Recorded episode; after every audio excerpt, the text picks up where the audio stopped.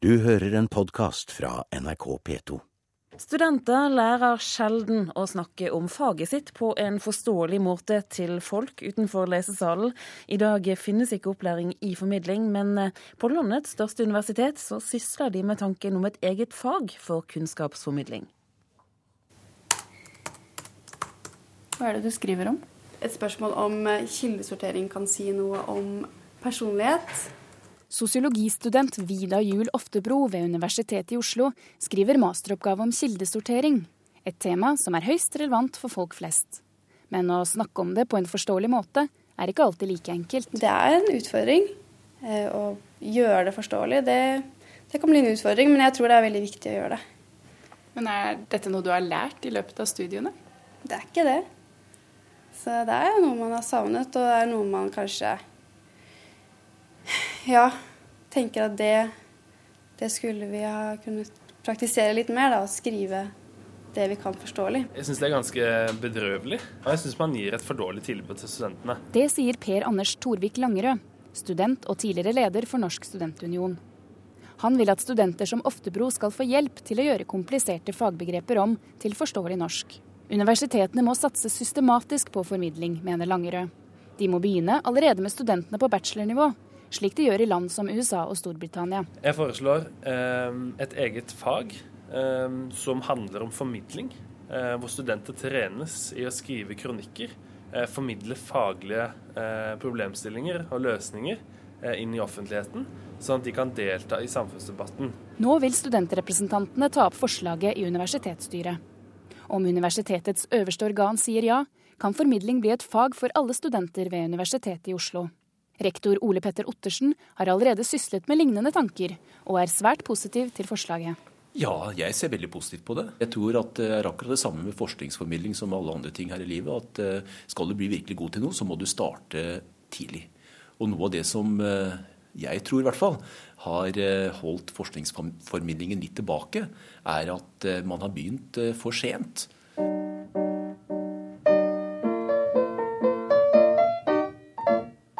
Det finnes allerede dem som klarer å formidle faget sitt på en lett forståelig måte. Doktorgradsstipendiat Christina Kobb ved Norges musikkhøgskole deltok i Forsker Grand Prix i fjor. Konkurransen der forskere skal fortelle om resultatene av årelangt arbeid på fire minutter. Jeg prøvde også å si noe om hvordan Schuberts publikum lyttet til denne merkelige satsen. I hans tid hadde jo verken hørt Wagners operaer, Beatles eller hiphop. De må f.eks. ha reagert på at første akkord her, den er ufullstendig. Det er imot reglene. Den er ikke grunnstilling engang. Og det virker som musikken ikke begynner forfra, men liksom midt i en setning. Eh, det jeg har gjort, det er også, også ta et eksempel. Jeg har prøvd å tenke hva er det i det jeg holder på med som kan være forståelig for folk flest. Og da kunne jeg vist sånne analysediagrammer og sånt på Powerpoint. Men så tenkte jeg at det er jo mye bedre at jeg tar med lytteren inn eh, i musikken og viser noen konkrete elementer mens jeg spiller. En liten appetittvekker for å få dem interessert i forskning.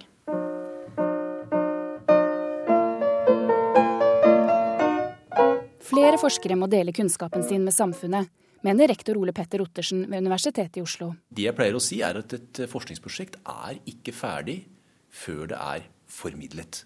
Og kanskje er det snart sosiologistudent Vida Juel Oftebros tur til å kaste seg ut i det.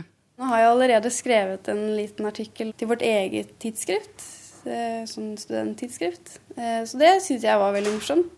Reporter her, det var eh, Ida Kvittingen. Tore Aasland, du er forsknings- og høyere utdanningsminister. Du synes også at formidling av forskning det er viktig. Hvorfor det egentlig?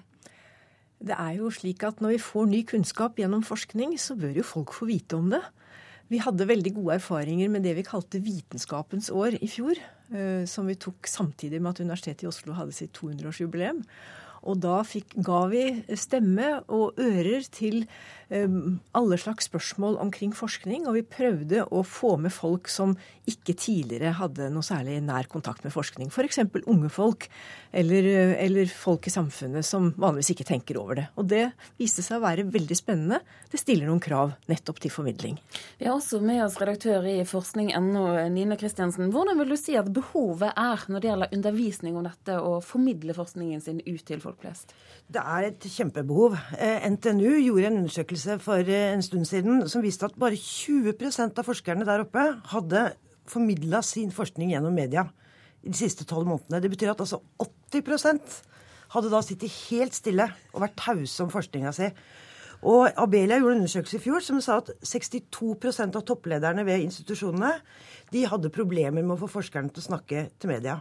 Og Det betyr jo at dette her er et enormt problem, da. Hva synes du om det, Tore Aasland? Jeg syns dette er et kjempegodt forslag som er kommet opp nå fra, fra Langerød og fra Universitetet i Oslo. Eh, jeg vet at andre land har noe lignende, altså undervisning i forskningsformidling. Og det vi, det vi har begynt med her i landet, som jeg syns er utrolig spennende, det er det vi kaller forsker-grand prix.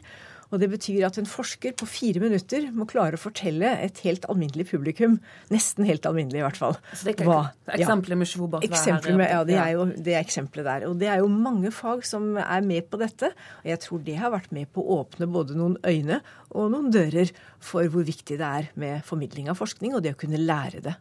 Men Nina Kristiansen, du har vel også vært dommer i denne Forsker Grand Prix? Det er det morsomste jeg har gjort eh, i jobbsammenheng noen gang. Det er bare, men ikke sant, det å kunne oppsummere tre års forskning på fire minutter, at det er mulig, det viser jo at det er et stort potensial for å få ut forskning her.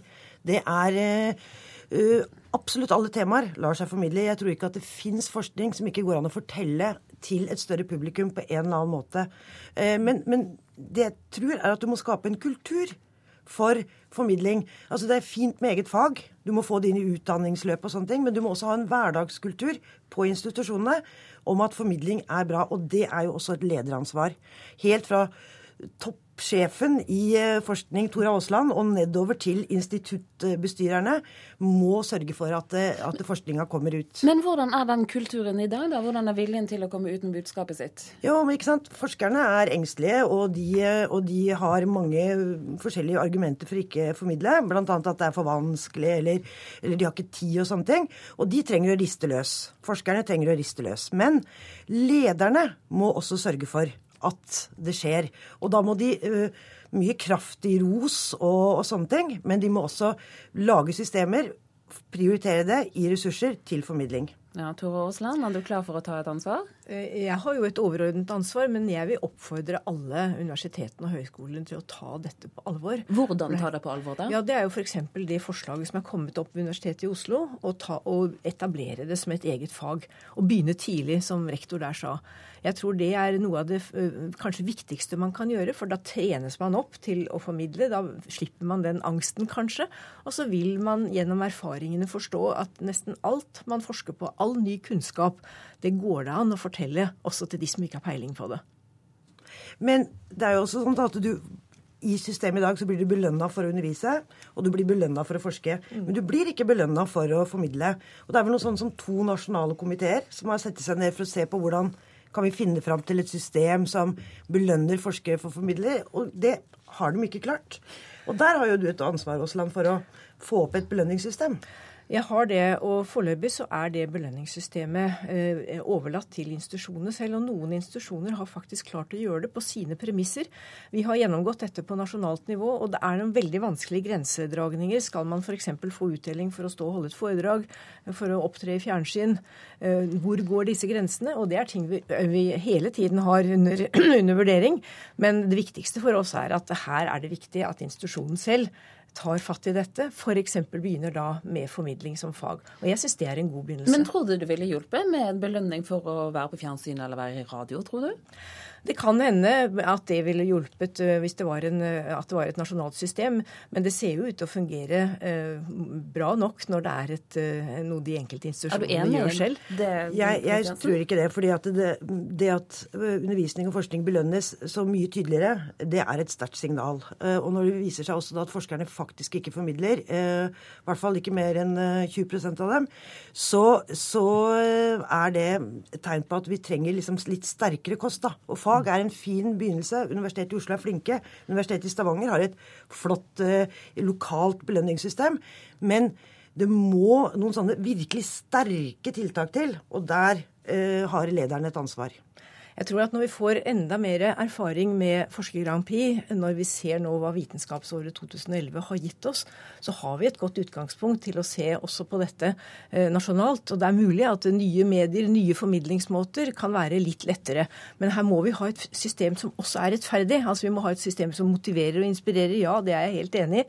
Men vi må også ha et system som er forutsigbart og rettferdig, og det krever ganske grundige vurderinger av hva det er som skal gi uttelling. Men enn så lenge så er det ingen grunn til å vente på det.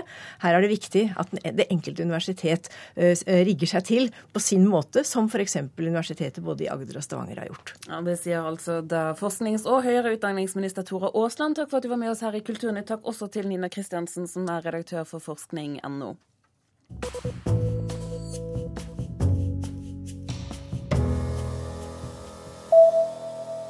Skuespiller Anthony Hopkins viser nye talenter når han nå utgir sitt første klassiske album, 'Composer'.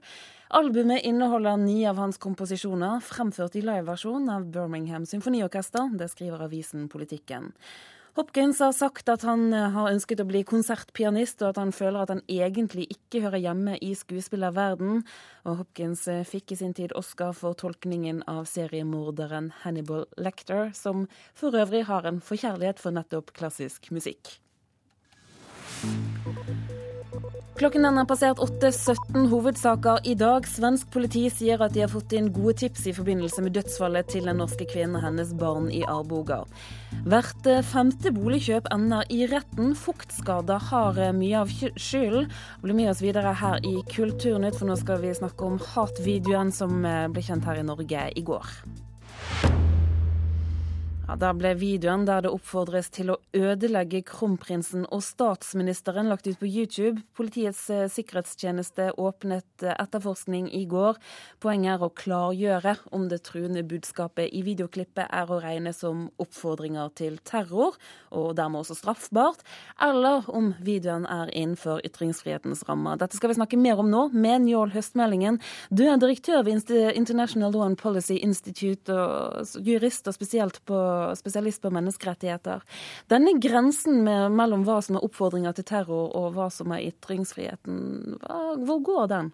Eh, nei, det er ikke så veldig lett å si. Det er en eh, veldig vag grense som da eh, man må avgjøre konkret fra tilfelle til tilfelle. Og Etter å ha sett på denne videoen, da, hva tror du er den innenfor eller utenfor ytringsfrihetens grenser? Nei, det tør ikke jeg si. Det, der er det mange som skal tenke og mene mye, mye framover. Men det, jeg tenker det er, det, er, det er to utgangspunkter som er veldig viktige her. Det ene er at man kan ikke forby eller sanksjonere alle de ytringene som man finner er usmakelige eller provoserende. Det må man tåle i Norge som det demokratiet vi er.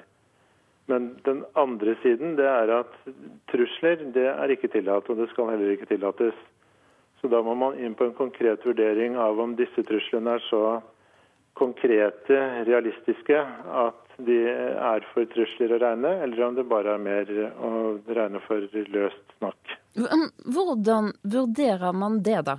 Nei, Det er veldig vanskelig. Da må det både være inne i hodet på de som har fremstilt truslene, og prøve å finne ut hva er det, de egentlig, hva er det som egentlig skjer der inne, hva er det de holder på med. Men samtidig så er det noen ytre objektive rammer hvor du går inn på og ser hvordan er det dette budskapet vil bli oppfattet i samfunnet, og hvordan er det, hvilke ord er det som er blitt brukt, hvilke midler er det som stilles til rådighet, hvor er det noen tidsangivelser osv. I, de, i det budskapet som fremmes. Hva slags eksempler som ligner har vi på slike saker i Norge?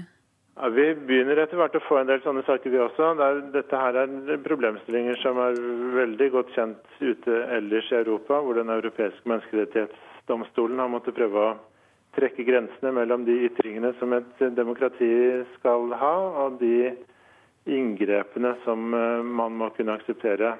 I Norge så har vi en kjent sak fra Askim, hvor det da var en gruppe som sto og ropte ut ganske konkrete og støtende utsagn overfor innvandrere og jøder generelt. Og Da fant man i norsk høyesterett ut at det måtte samfunnet tåle, mens man internasjonalt mente i FN at dette var over grensen for det man da mente var hat, hatefulle ytringer. Mange vil vel kanskje også huske Boot Boys? Ja, det er den saken. Nei, det er den saken. Uh, Vi, vi husker også veldig godt karikaturstriden. Er dette et slags motsatt eksempel av den, der man den gang sto på ytringsfrihetens barrikader?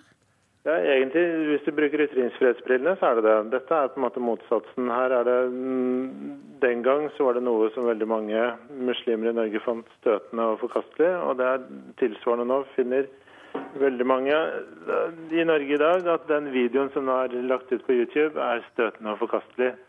Forskjellen er vel at i karikaturstriden så var det ikke noen direkte trusler retta mot personer. Det var bare en eh, noe man opplevde som krenkende støtende ut ifra ens egen religion og tro. Mens i denne saken så er det trusselbildet, altså terroraspektet ved det. Særlig når man ser på de personene som er involvert i den organisasjonen som står bak videoen. Njål Høstmeldingen, takk for at du var med oss her i Kulturnytt, altså direktør ved International Law and Policy Institute i Oslo. Nå til eh, Tyrkia, som er ett av landene i verden der flest mennesker sitter fengslet pga. ytringene sine. Ja, det er ifølge verdens største ytringsfrihetsorganisasjon, PEN. I går arrangerte de et Tyrkia-seminar på Litteraturhuset i Oslo. I panelet satt blant andre Catherine Holle. Ektemannen hennes, en av landets fremste intellektuelle, ble pågrepet for eh, tre måneder siden. Around 6.30 in the evening, Raghup called me to say he had just gotten off the ferry boat and would be home around 7:30. By 9 p.m., I knew that even Istanbul traffic wasn't responsible for the delay. Med en fullsatt sal foran seg og bilde av sin arresterte ektemann på lerretet bak seg, forklarer Catherine Holle hvordan hun fryktet at han var blitt pågrepet da han ikke kom hjem fra jobb i slutten av oktober. Dagen etter fikk hun bekreftet frykten av en venn som hadde lest det på Twitter. The next morning around 7 a.m. I received a call from a friend of ours asking if it was true that Raghav had been arrested. He had seen it on Twitter. For ikke å forverre ektemannens situasjon ønsker ikke Holle å kommentere saken overfor NRK utover det hun forteller som paneldeltaker på Tyrkia-seminaret. Nestleder Eugen Sjulgin i Penn International fastslår imidlertid at den radikale forleggeren og forfatteren Ragib Saraklo er en intellektuell ledestjerne. At han i dag sitter i en F-type prison, som er altså high security prison, uten å ha hatt en lov og dom, er i seg oppsiktsvekkende. Og det tyder på at eh, det er en hevn. Jeg vil ikke gå så langt og si at når det gjelder behandlingen av Ragib Saraklo, så er dette her en måte å statuere et eksempel på for å skremme øvrige til taushet. Saraklo er en av svært mange intellektuelle som sitter fengslet i Tyrkia i dag. Sjulgin ser paralleller til det tidlige 90-tallet, da annerledes tenkende ble utsatt for systematisk forfølgelse. Utviklingen har vist seg å gå i gal retning. At vi er snart tilbake der vi var for 20 år siden. Og det syns jeg er veldig deprimerende å tenke på. Da statsminister Jens Stoltenberg under et besøk forrige uke tok opp situasjonen i landet med Tyrkias president, fikk han til svar at fangene er fengslet fordi de er terrorister. Ifølge Penn sitter nå rundt 13 000 personer bak murene på dette grunnlaget. En rekke av dem organisasjonen har kontakt med, er journalister. Altså De som vi jobber med, er i dag rundt 100. Hvordan er det sammenlignet med andre land? Ja, Det er veldig mye høyere. Veldig mye høyere. Jeg påstår at det er en lang rekke av de som i dag sitter i fengsel, som har til og med slåss hele sitt voksne liv for ytringsfrihet og menneskerettigheter i Tyrkia. Ja, det er jo klart det er jo litt hardt å tenke at uh, folk som du kjenner, som du har samarbeidet med, som kan være en aktiv pådriver i kampen for menneskerettigheter, for rettferdighet, sitter inne bare fordi de tenker at uh, verden burde være litt annerledes. Det sier Abdullah Hejab i kurdisk Penn i Norge. Han kjenner mange som er fengslet, og sier de ikke har gitt opp kampen. Man skal ikke gi opp håpet. Eh, men det er jo klart at de er jo litt redde for uh, den videre utviklingen, fordi ingen vet hva som uh, skjer videre. Eugen Sjolgin tror det blir avgjørende fremover at vestlige ledere gjør som Jens Stoltenberg og legger press på Tyrkia. Jeg går ut fra at tyrkerne er ikke noe særlig interessert i å bli rubrisert som en, en verstingnasjon. Er de det? Ja, jeg vil si det at når det gjelder akkurat disse tingene her, når det gjelder uh, forholdene for uh, det frie ordet, for, for journalistisk arbeid uh, og kritikk, så syns jeg de ligger veldig nær, ja. Men det som for oss er betenkelig, er at man i vest relativt skulle vi si naivt har utbasunert at Tyrkia er på en måte et slags modelland for disse nye spirende demokratiene. Og det er, farlig, det er farlig. Reporteren, det var Gjermund Jappé.